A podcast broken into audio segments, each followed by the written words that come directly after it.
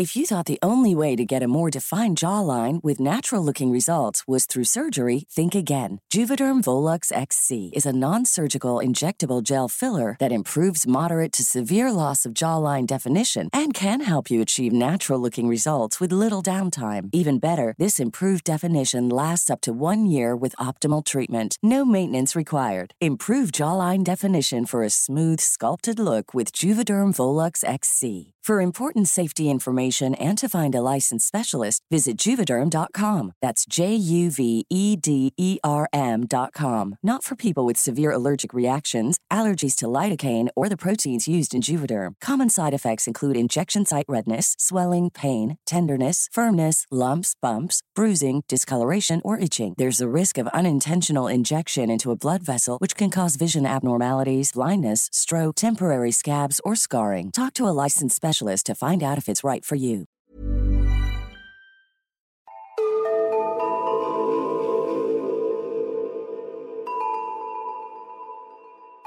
Hej och välkomna till Nära ögat, en true crime-podd för mesar. Mitt namn är Alexandra Kensdottir.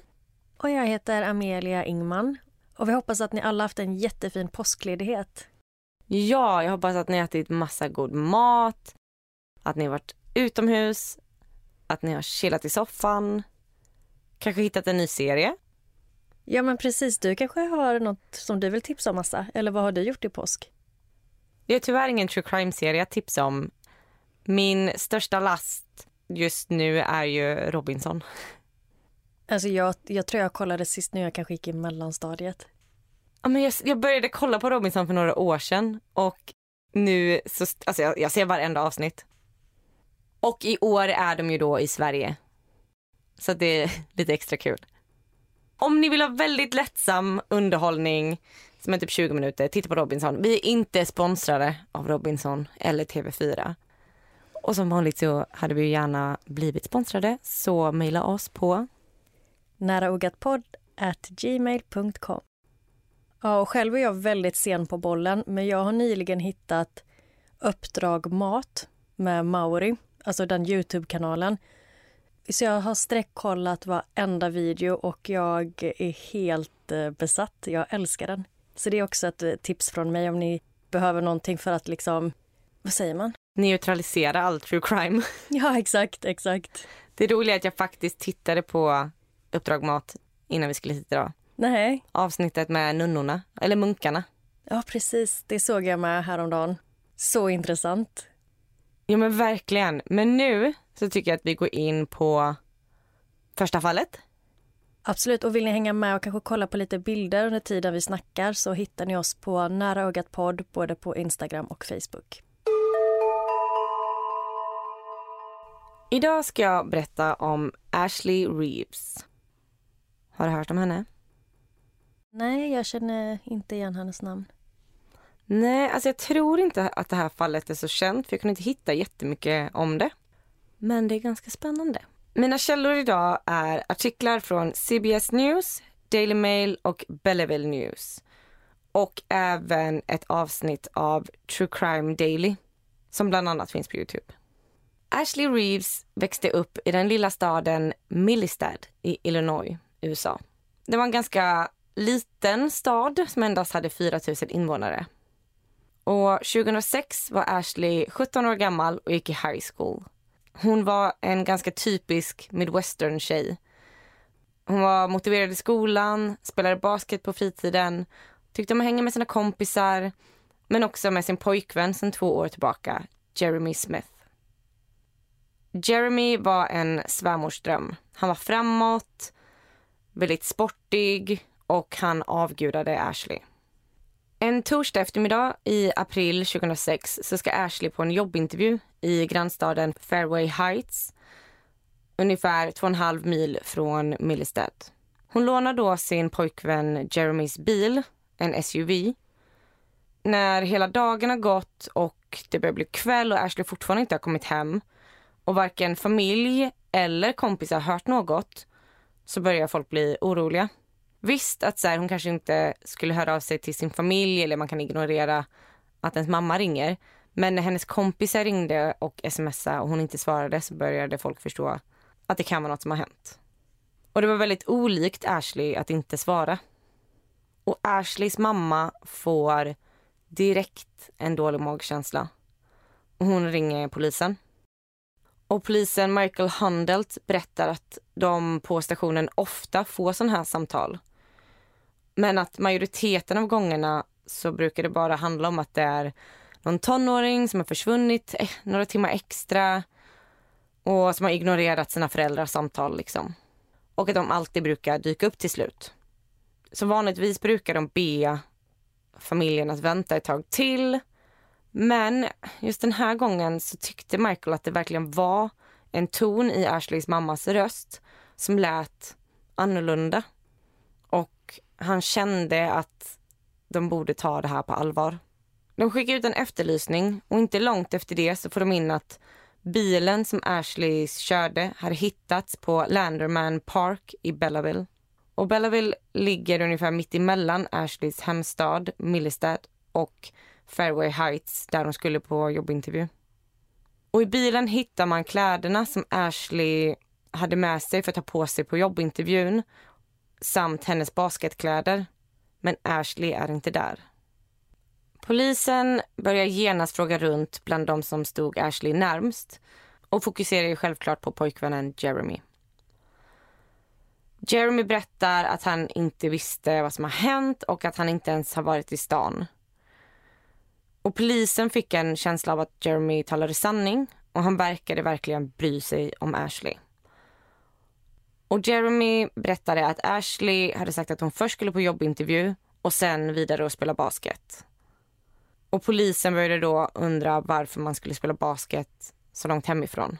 Och polisen fortsätter fråga runt. Och en av Ashleys kompisar berättar då att Ashley brukar träffa en äldre kille som hon brukar spela basket med. Och det var någon som alla de kände och var kompis med. Nämligen 27-åriga Samson Shelton. Samson jobbar som körskolelärare och idrottslärare på en skola i närheten.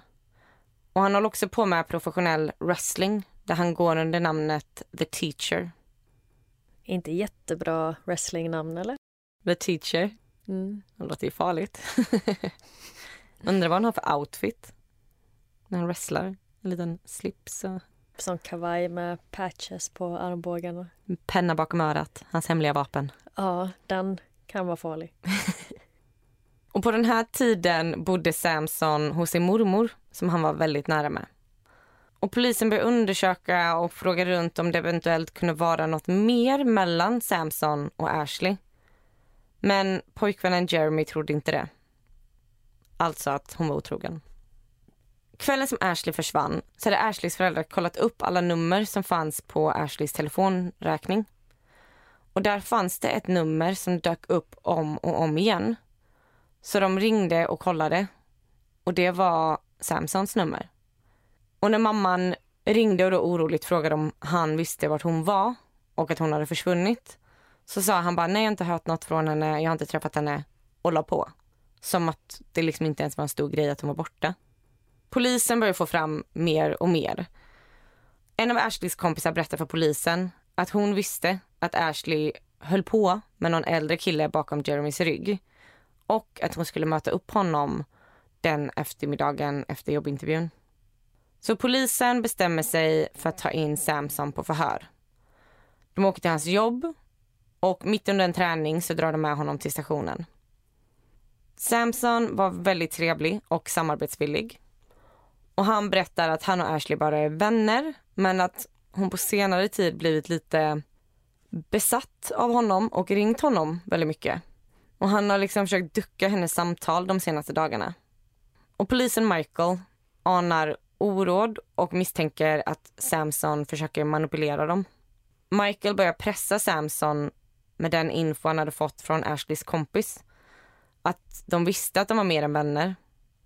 Och då svarar Samson att de aldrig någonsin kysste varandra men att de hade haft sex i baksätet av bilen men att han ångrat sig direkt efter. Hur var åldersskillnaden mellan Samson och Ashley? Ashley är 17 och Samson 27. Så hon är ju liksom en tonåring. Hon går på high school. Och han är lärare på en annan high school då? på en annan skola. Okej. Okay.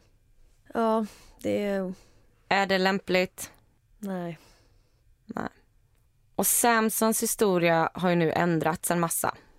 Från att de bara var vänner och hade spelat basket till att hon var kär i honom men att han hade dissat henne till att de hade sex i baksätet av en bil. Varför skulle en person som inte har något att dölja förändra sin historia så mycket? Och alla lögnerna bara nästlade sig in i varandra vilket gjorde att polisen började bli ännu mer misstänksamma mot honom. Och det finns videomaterial från eh, vissa delar av förhöret som man bland annat kan se i eh, avsnittet på True Crime Daily. Ganska spännande. Sen hittar polisen bevis för att Ashley har befunnit sig i Samsons bil samma dag som hon försvann. Och då blir Samsons historia ännu mer invecklad. Han menar då att de hade bråkat i bilen och att hon hade börjat skrika massa och sparka. Han menar då att han har tvingat ur henne ur bilen och kört iväg. Att han lämnade henne ensam längs med vägen och åkte sen till en bar. En typ country bar där man dansade line dance och han fanns på en övervakningskamera där. När polisen började ifrågasätta hur han bara kunde lämna henne ensam längs vägen och sen åka vidare till någon bar så hade han sagt att han vill inte åka förbi den vägen igen. För att han var rädd för vad han skulle kunna få se. Han var då rädd för att hon eventuellt skulle kunna ha blivit påkörd av en bil och kanske låg i diket. Och han orkade inte se sånt. Samson menar då att han har väldigt stor rädsla för att se skadade människor och att han mådde väldigt illa om han fick se sånt. Och han tog bland annat upp att han fortfarande inte fått ur vissa bilder från filmen Texas Chainsaw Massacre från sitt huvud. Att sådana filmer har ärrat honom. Och hade han sett henne ligga skadad vid sidan av vägen så hade han mått fruktansvärt. Men okej, så att han var rädd för vad han skulle se. Alltså att han kände, det var liksom värre för honom vad han eventuellt skulle kunna se än att hon eventuellt var skadad. Ja. Men om det fanns en risk att bli påkörd vid den här vägen, alltså så pass stor risk så att han ändå inte ville köra förbi där igen, varför ens släppa henne där från första början? Precis. Och att han började dra upp att han inte kan få bilder från Texas Chainsaw Massacre när han har bara lämnat henne vid vägkanten och det då är synd om honom. Och jag tror att det är det här polisen också börjar förstå att så här, nej men det här är ju, det är något knasigt. Ja exakt, varningsklockor. Mm. Så polisen fortsätter förhöret med Samson. Men nu helt plötsligt så håller han sig till sin nya historia. Och efter ganska många timmars förhör så tar polischefen Steven Johnson över förhöret. Och Johnson var väldigt erfaren inom förhörsteknik. Och han började trycka på några ömma punkter hos Samson. Han började ta upp Samsons mormor. Så Johnson ställde frågan. Om jag lämnar dig här och åker och pratar med din mormor nu och berättar allt du har sagt, vad skulle hon då säga? Och då börjar Samson mumla om att han, han vill liksom berätta hela historien för henne. Om exakt allt som hände. Och Johnson förstår ju att han är nog på rätt spår med det här mormorkortet. Och han fortsätter. Din mormor inte här, din mamma inte här. Men vet du vad? På ett sätt är de här ändå. För allting de har lärt dig, alla dina samtal din mormor haft med dig, allt det finns inom dig. De finns inom dig. Och tyvärr så berättar inte du hela sanningen för oss nu. Och det måste du. För din mamma och för din mormor. Samson brister ut i gråt och lämnas ensam i förhörsrummet en stund. Och man kan nästan se hur så skuldkänslorna bubblar upp. Och efter tolv timmars förhör så erkänner han. Han har dödat Ashley. Assa, du vet att detta är en true crime-podd för mesar? Jag vet att det är en true crime-podd mesar, så håll ut. Okej. Lyssna på hela historien. Okej. Samson berättar att han har dragit in henne långt i skogen och att han har lämnat en grej runt halsen så det skulle se ut som att någon har strypt henne där ute. Innan han går in på liksom varför eller vad som har hänt så ber han om att få visa polisen vart det hände. Att de måste åka dit. Så polisen åker tillsammans med Samson ut till platsen där det hände. Det är nu kväll och det har gått 30 timmar sedan Ashley försvann. Det är mörkt, det är kallt och det regnar. De börjar gå in i den täta skogen där de lyser med sina ficklampor för att ens kunna se något. Och även här så finns det filmmaterial som man kan se i avsnittet av True Crime Daily. Och de går och letar efter platsen och Samson försöker navigera dem men det är svårt att hitta då det nu är mörkt och det regnar. Och de letar och letar.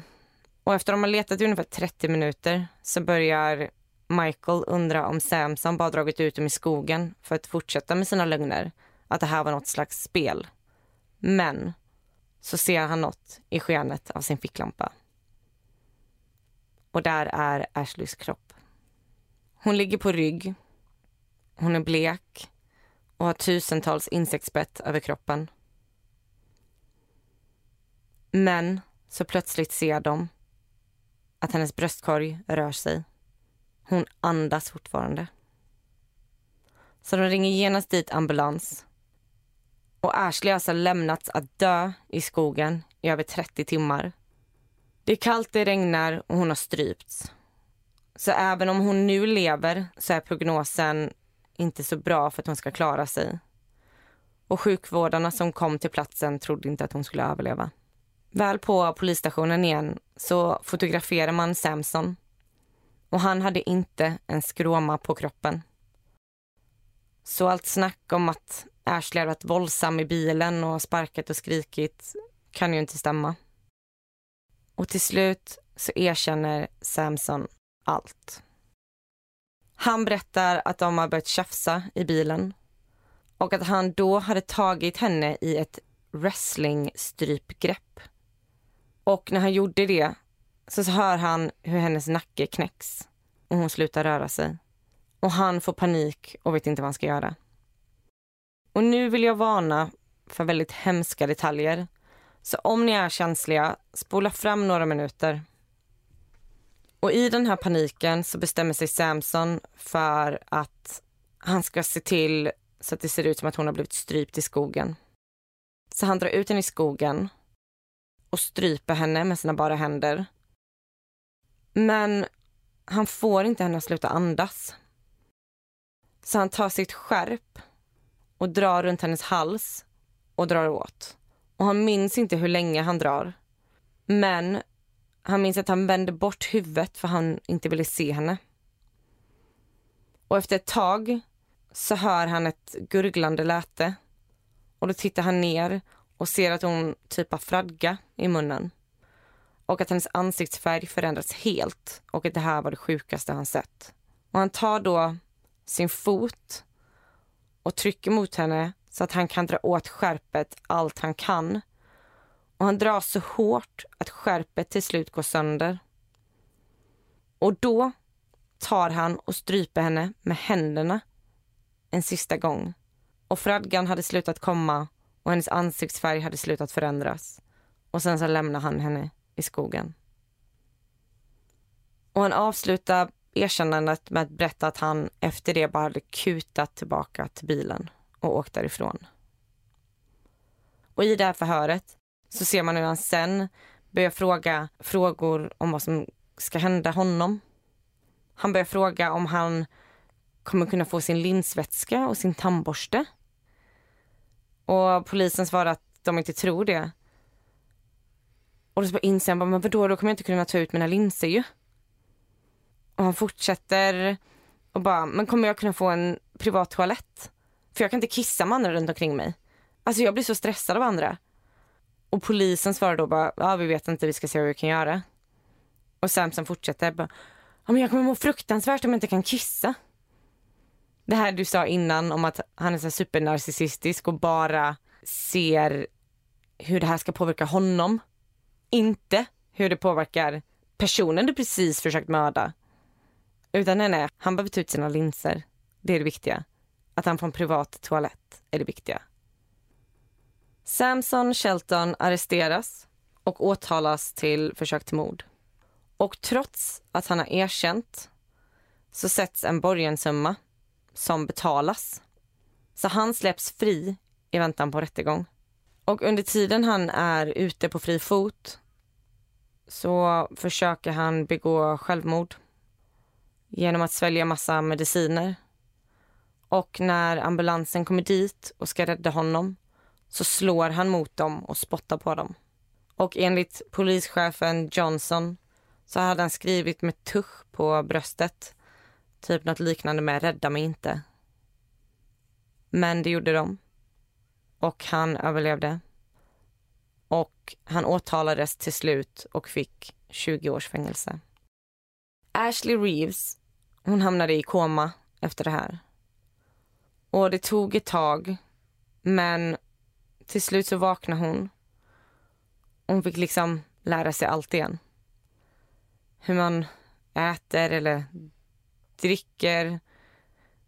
Och hon berättade att hennes första klunk vatten efter den här tiden i koma var helt fantastisk. Hon fick ju då även lära sig gå. Och liksom det tog väldigt lång tid eh, för henne. Men i och med att hon är en väldigt motiverad människa så tog det egentligen bara några månader till som kunde gå så. Men hon kämpar ju fortfarande för att bli helt återställd. Och polischef Johnson menar att Ashley är en av de tuffaste människor han någonsin träffat. Och Ashley minns inte så mycket från den här tiden.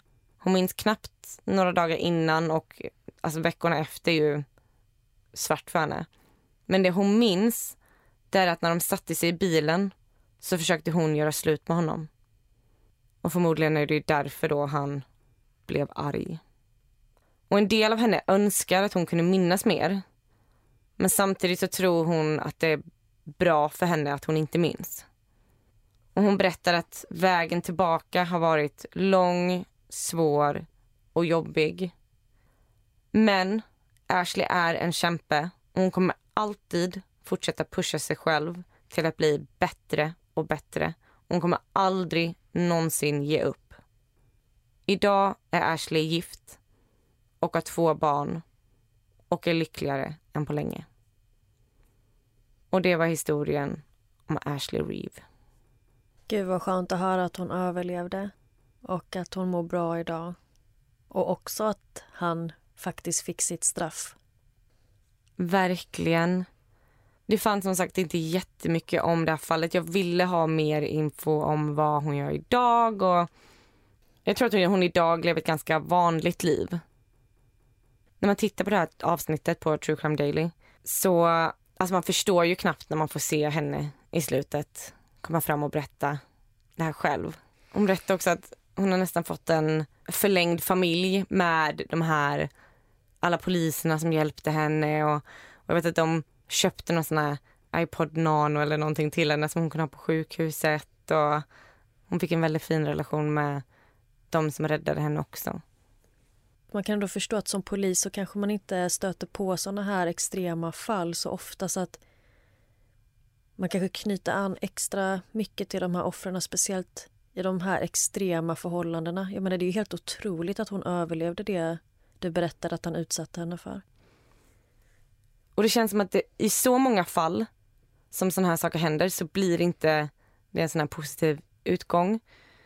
Det var så många grejer som gjorde, liksom bara att polisen direkt agerade på mammans samtal, att de direkt skickade ut en efterlysning efter bilen och att liksom någon såg den. Exakt, och att den här vännen då kunde tipsa om den äldre mannen i hennes liv.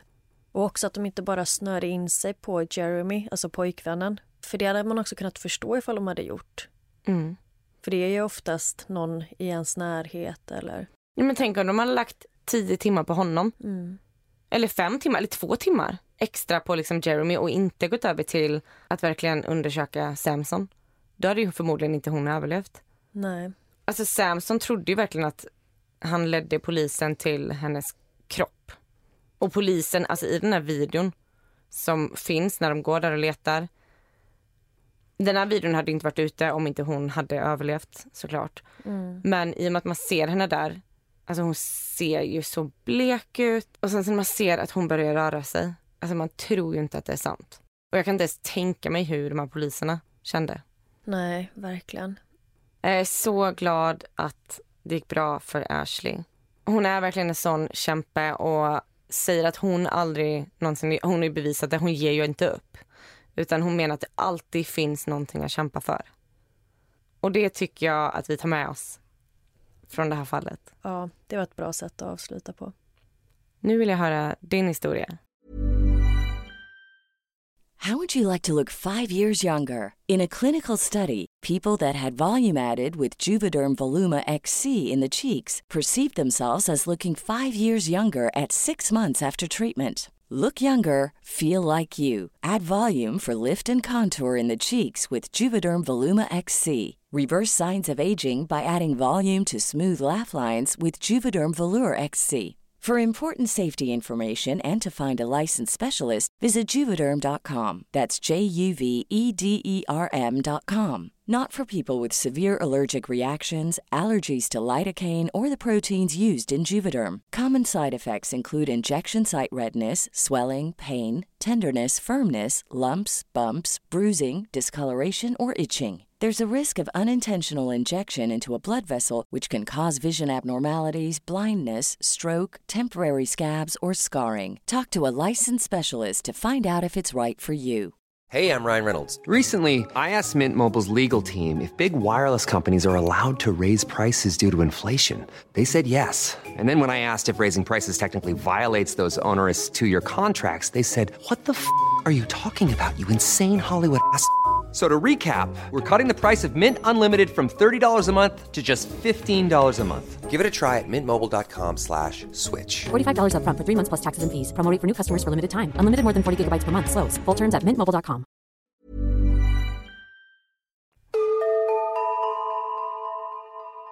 Idag så ska jag berätta om Danell Balenji.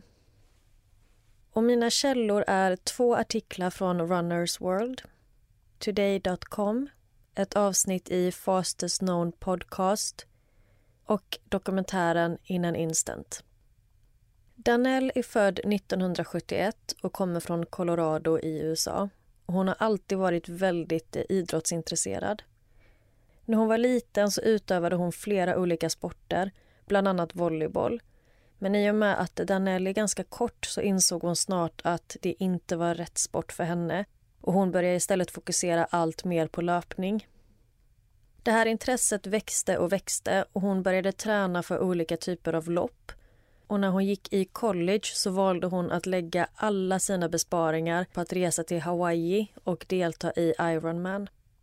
Intresset utvecklades sedan till en karriär och hon tävlade på professionell nivå. Hon har deltagit i flera hundra olika lopp och var väldigt framgångsrik. Hon hade vunnit både nationella och internationella mästerskap.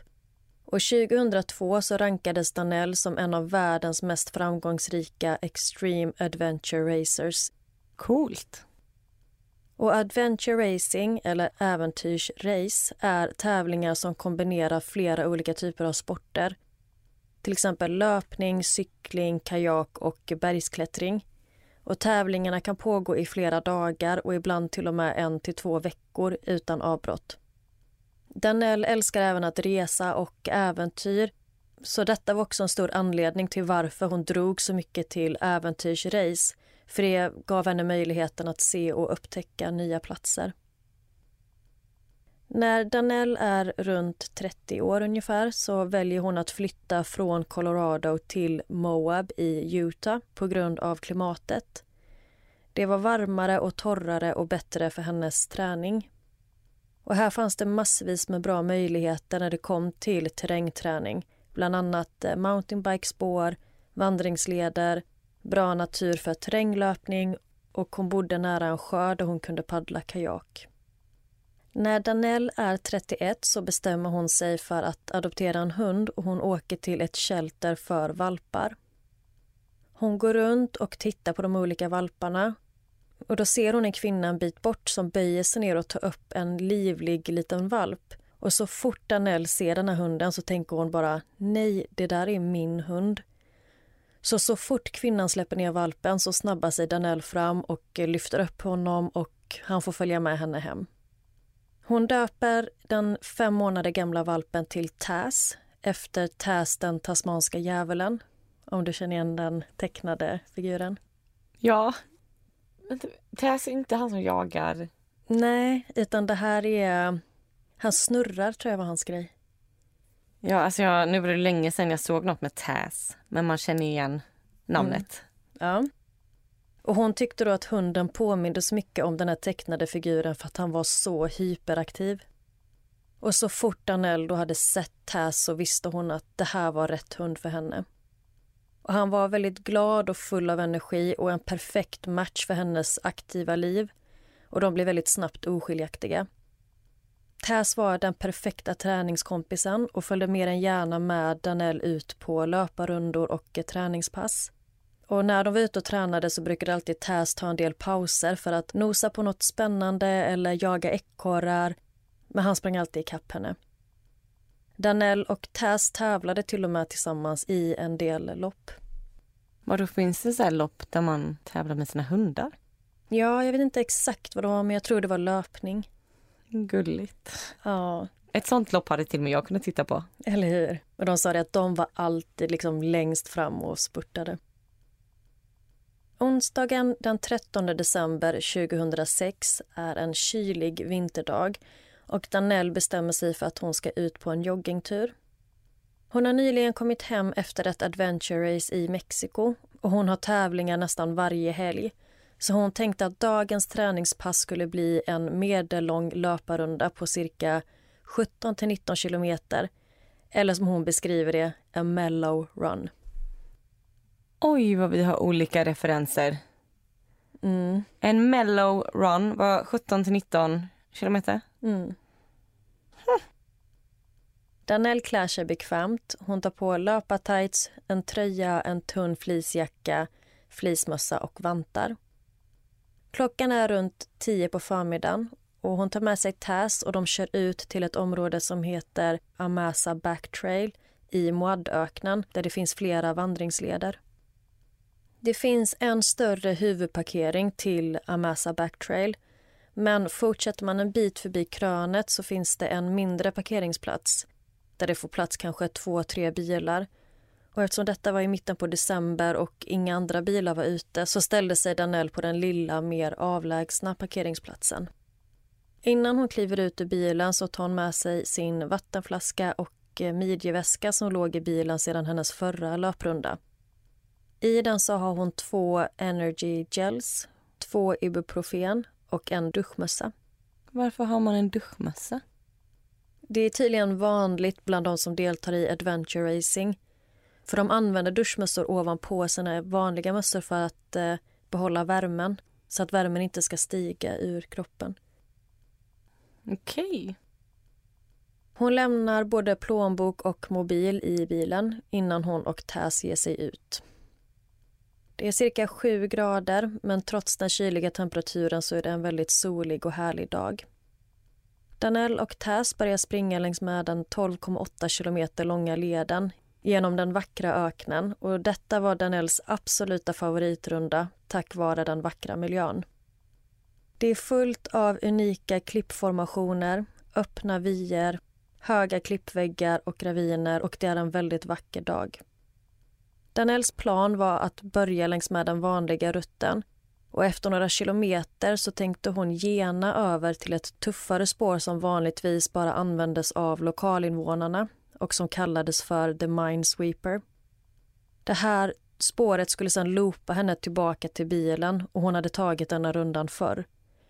Men för att ta sig över till det här spåret så var hon tvungen att springa genom en ravin och sen uppför en sluttande bergsvägg och sen springa längs med klippranden, eller liksom toppen av berget som sen ledde in på det här andra tuffare spåret. Då. Hon hade hela tiden Taz vid sin sida förutom när han då och då tog några avstickare för att undersöka något litet djur eller liknande. Efter cirka åtta kilometer kommer de fram till platsen där de ska gena för att komma till det tuffare spåret. Danell tar sig fram genom ravinen och börjar springa upp för den sluttande bergsväggen. Nu har hon Taz framför sig och han tar sig upp utan några som helst problem. Men helt plötsligt så råkar Danell kliva på en isfläck och hon tappar helt fotfästet. Hon ramlar på rygg och börjar glida baklänges ner för den branta backen. Hon kommer snabbt upp i väldigt hög fart och tappar kontrollen. Hon åker in i en klippa och sen fortsätter hon glida vidare neråt. Och det blir bara brantare och brantare. Och sista biten är ett fritt fall på cirka 12 meter. Och hon faller då helt upprätt och landar med fötterna först på en klippavsats nere i en ravin. Hon har helt fruktansvärt ont och skriker rakt ut i smärta. Hon ligger och är helt chockad över vad som precis har hänt. Hon kan inte röra benen och hon tror att hon har blivit förlamad. Men hon sträcker ner händerna och hon kunde känna när hon rörde vid benen vilket lugnade henne. Hon förstod att hon inte var förlamad. Men när Danell försöker ställa sig upp så går det inte. Men så jobbigt att hon inte har mobilen. Mm. Hon lämnade väl den i bilen? Mm. Hon säger att hon gillar inte teknologi så mycket. Hon vill bara vara ute och springa och njuta av eh, omgivningen. I stunden så visste hon inte vad felet var. Men vad hon fick reda på senare var att hennes bäckenben hade krossats. Det var sprickor i hela bäckenet och det var brutet på fyra ställen. Hon hade frakturer i tre av hennes ryggkotor och hennes korsben var sprucket rakt på mitten. Och hon beskriver själv att det var som om hennes kropp var delad rakt av på mitten. Så när hon försökte röra överkroppen framåt så följde inte benen med. Danielle visste att hon var tvungen att försöka ta sig härifrån. Hon hade inte med sin telefon och hon hade inte berättat för någon att hon skulle hit. Så hon behövde ta sig från ravinen till en plats där någon skulle kunna hitta henne. Tess hade lyckats ta sig ner till Danell så hon visste att det måste finnas någon väg därifrån. Och vid det här laget så började endorfinerna och adrenalinet att avta vilket gjorde att smärtan blev ännu värre. Hon försökte krypa framåt men hon klarade som sagt inte av att röra benen. Så hon fick liksom dra och släpa sig fram med armarna och sen sträcka sig bakåt och dra fram benen med sig. Hon tog sig sakta och försiktigt framåt genom ravinen hon kollade i midjeväskan och hittade ibuprofen som hon svalde i hopp om att det skulle hjälpa mot smärtan och hon förstod att det var lönlöst.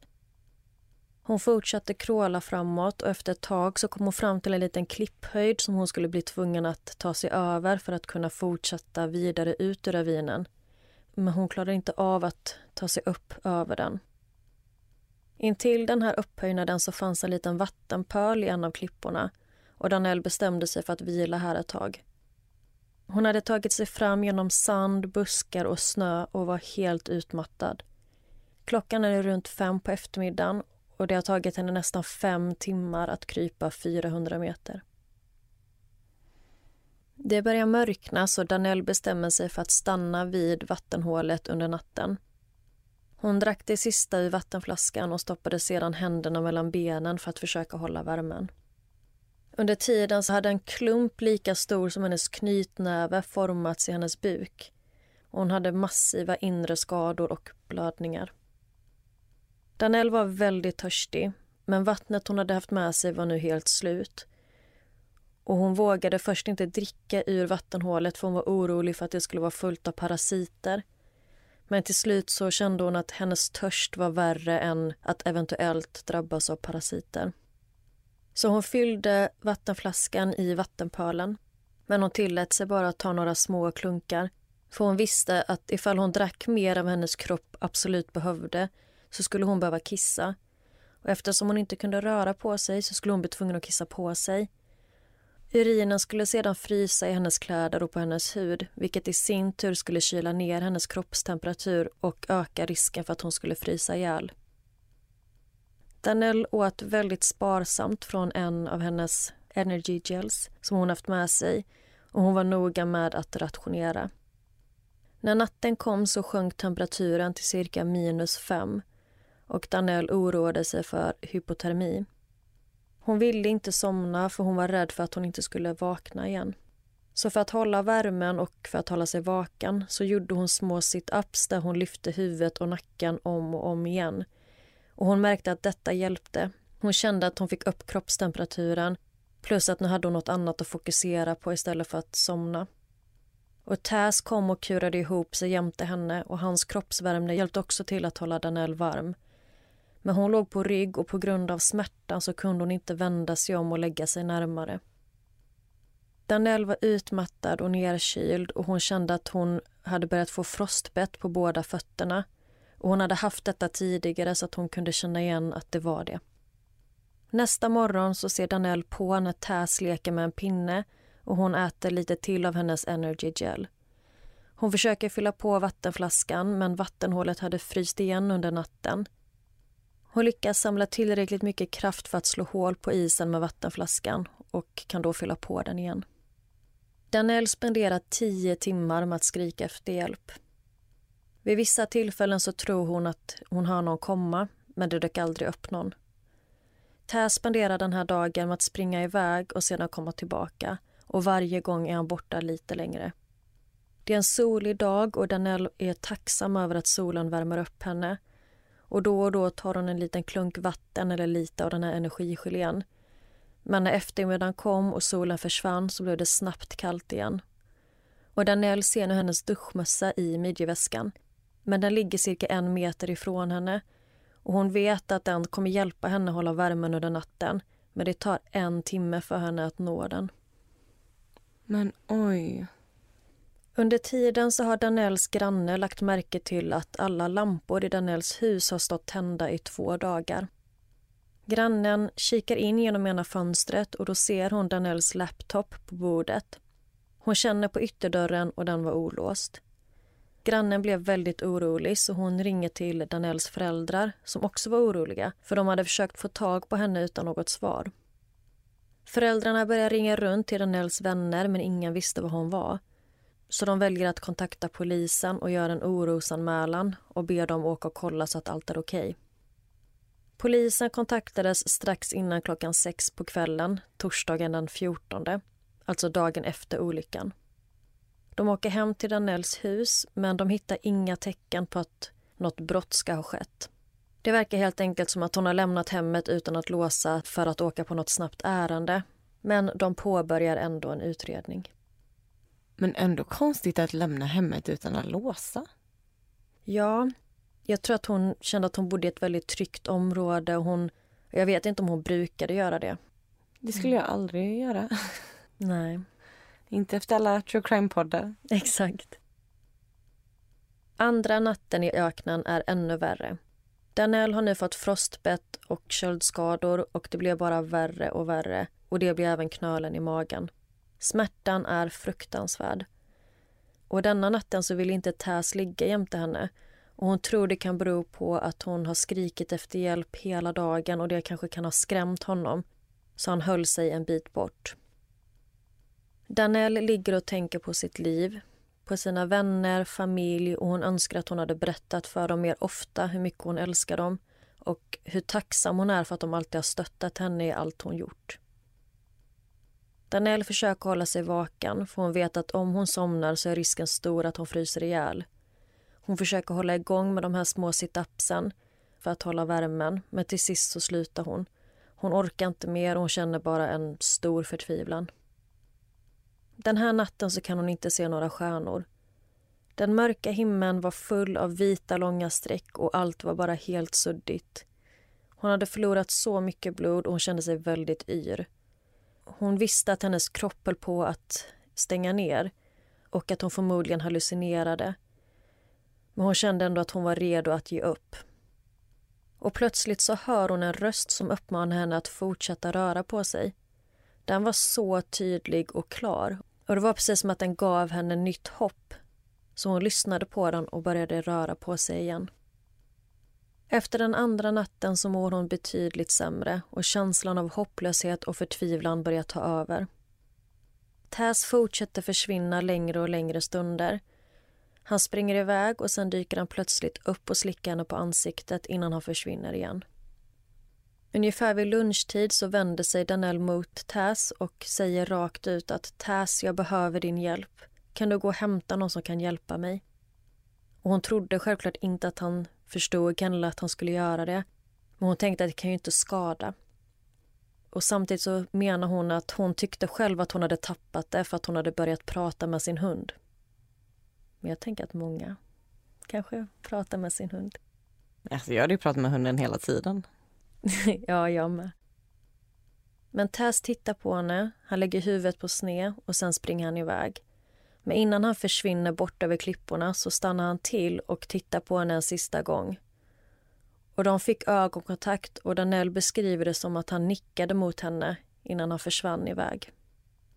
Men Danell tänkte att han kommer säkert bara springa och jaga ekorrar eller nåt, precis som han brukar. Under tiden så försöker polisen ta reda på vad det är som har hänt Danell. Och han som leder utredningen han känner till vem hon är och hennes idrottskarriär och han brukade själv springa. Så han misstänkte att hon kanske hade sprungit vilse eller att någonting hade hänt henne när hon var ute och sprang. Och de hade redan sökt efter Danells bil sedan kvällen innan. Och de hade letat på olika parkeringsplatser och vid olika vandringsleder.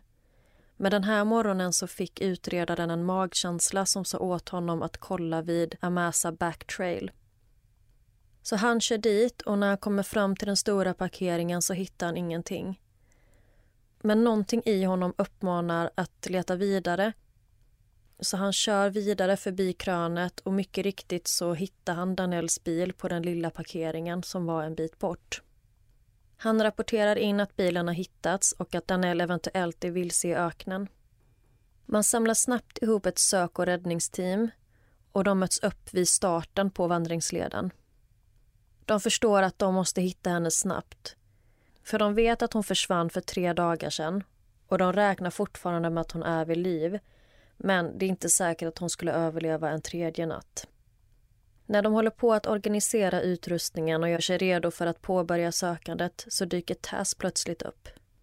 Yay!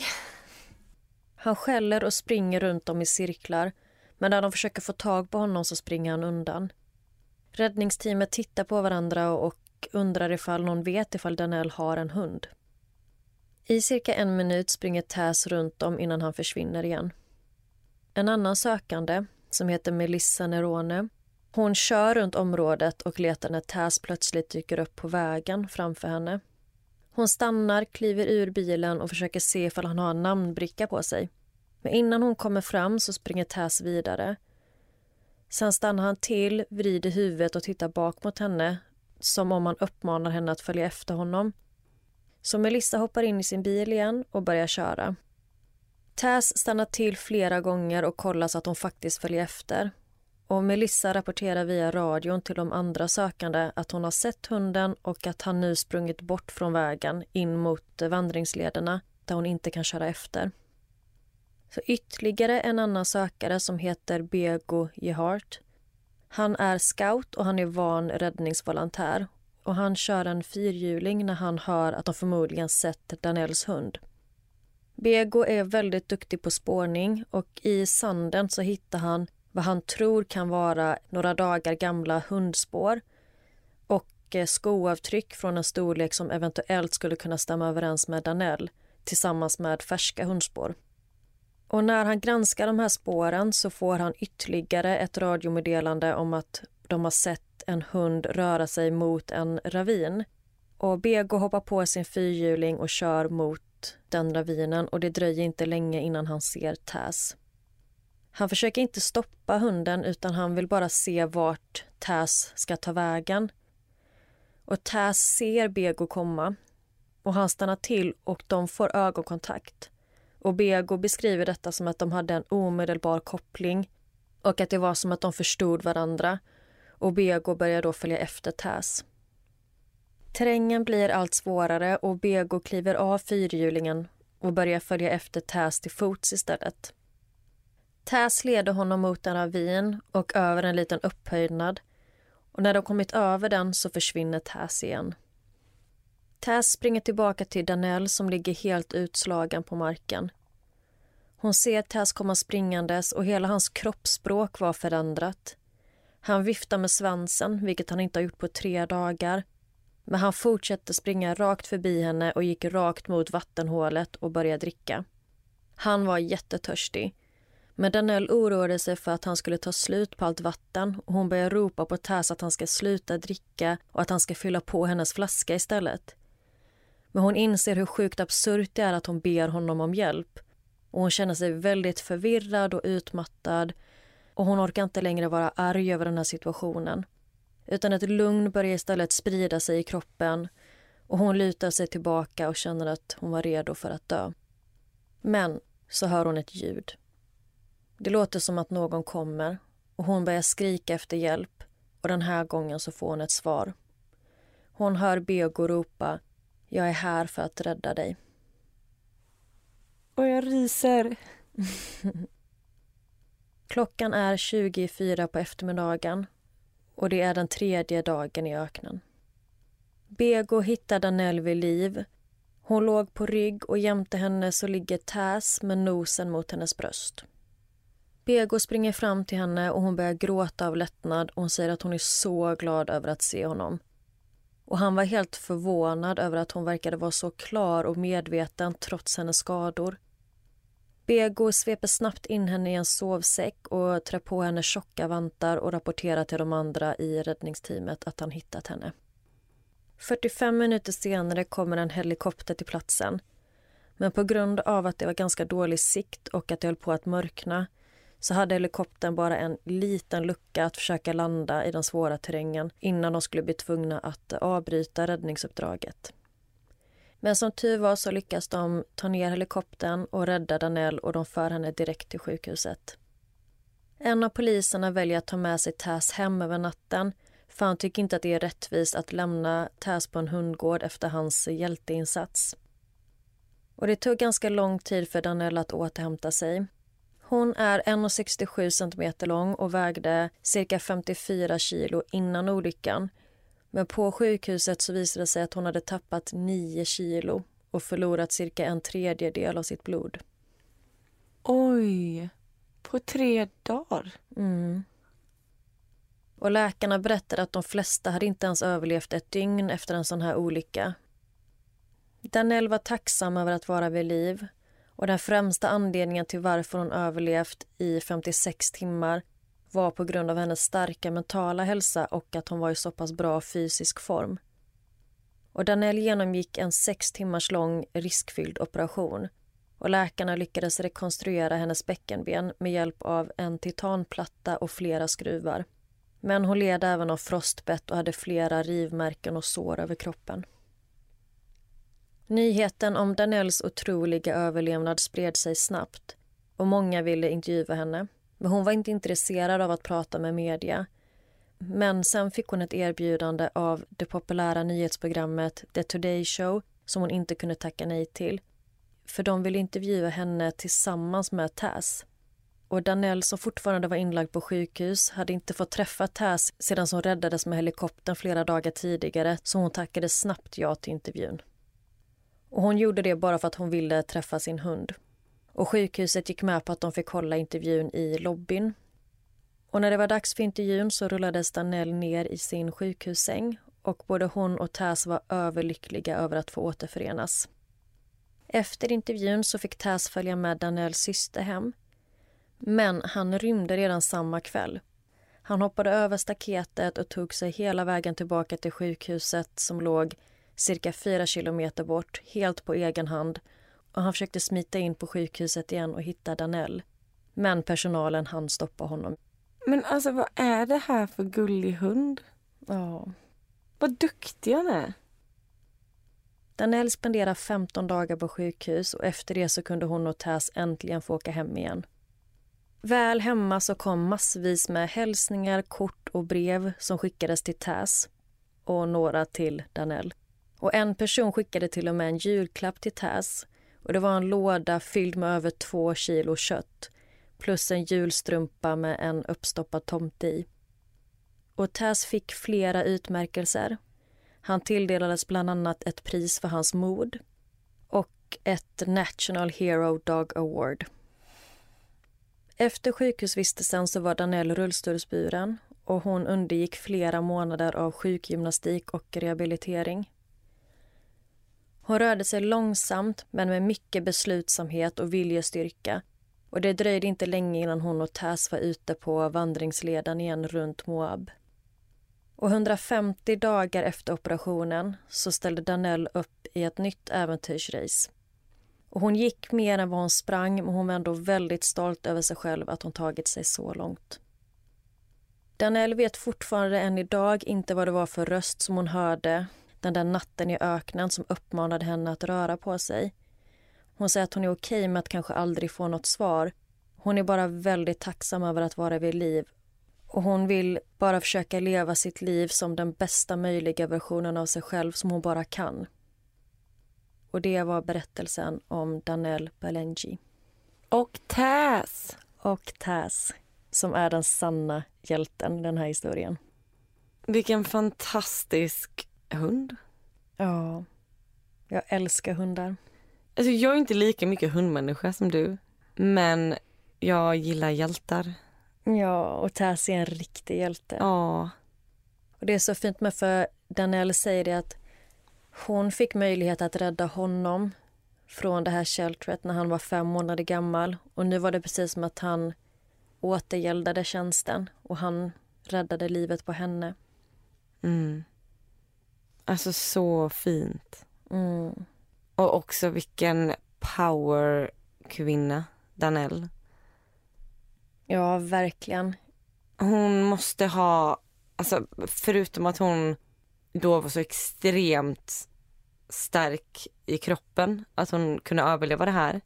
Alltså hennes pannben, man önskar att man hade 10 av det så och jag är också så imponerad av att hon var tillbaka till sitt normala liv bara några månader efter den här olyckan. Och hon fortsatte ställa upp i uthållighetstävlingar och jag vet inte om hon fortsatte ha det som en karriär för att hon gjorde lite sidospår. Hon startade en restaurang tillsammans med eh, sin man och sen så började hon även coacha och träna andra idrottare.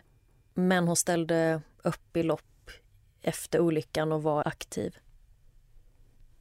Och Danell berättar att i efterhand så har hon ju förstått att de här stunderna som Taz lämnade henne ensam, då har hon ju förstått att han försökte springa och hämta hjälp. mm. Och han sprang gång på gång på gång tillbaka till själva vandringsleden eller spåret då. Men så kom han tillbaka för att kolla att hon var okej. Alltså. Jag Ja. smälter. Och hon säger att han är hennes Lassie liksom. Ja. Ja, alltså det man känner spontant är att man måste börja träna nu. Ja. Och det är lite kul med för att hon och hennes kollegor inom den här adventure racing communityn eller vad man ska kalla det. De tycker typ att folk som springer på vägar är lite mesiga löpare. Att de gärna vill ha rätt prylar, rätt kläder och de kallar dem för roadies.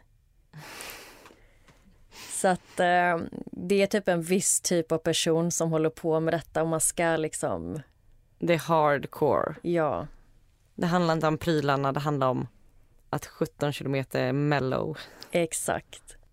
Man märker också så i berättelsen att hon har så mycket pannben och att hon är väldigt alltså målmedveten och principfast och sådär i och med att hon direkt börjar så ransonera maten och vattnet och förstår ju att hon kan inte dricka för mycket för då kommer hon liksom kissa och kommer bli kall. Hon är liksom väldigt klar och logisk fastän hon ligger där med liksom krossat bäckenben och bara hur skadad som helst. Och i den här dokumentären som jag kollade på så var det flera andra eh, som intervjuades. Det var personer som hon hade träffat under olika lopp och så vidare. Och många kunde liksom vittna om att hon är så tuff. Och det var en gång som hon tävlade under ett sånt här adventure race där hon var på en sån här pausstation där de ville sätta henne på dropp och eh, linda hennes fötter. Men hon hade bara sagt ge hit tejpen och två Gatorades och så lindade hon sina fötter själv och sprang vidare. Och hon var verkligen känd för att vara tuff och om det är någon som hade klarat detta så är det Danell. Mm. Eh, två riktiga powerkvinnor som jag pratat om idag. Som är så beslutsamma om att aldrig ge upp. Mm. Man blir ju inspirerad av deras kämpaglöd. Ja. Och så är jag så imponerad av den här fina Taz. Jag ser så mycket fram emot att du ska lägga upp massa bilder på Taz på vår Instagram. Ja. Nara Ogat podd.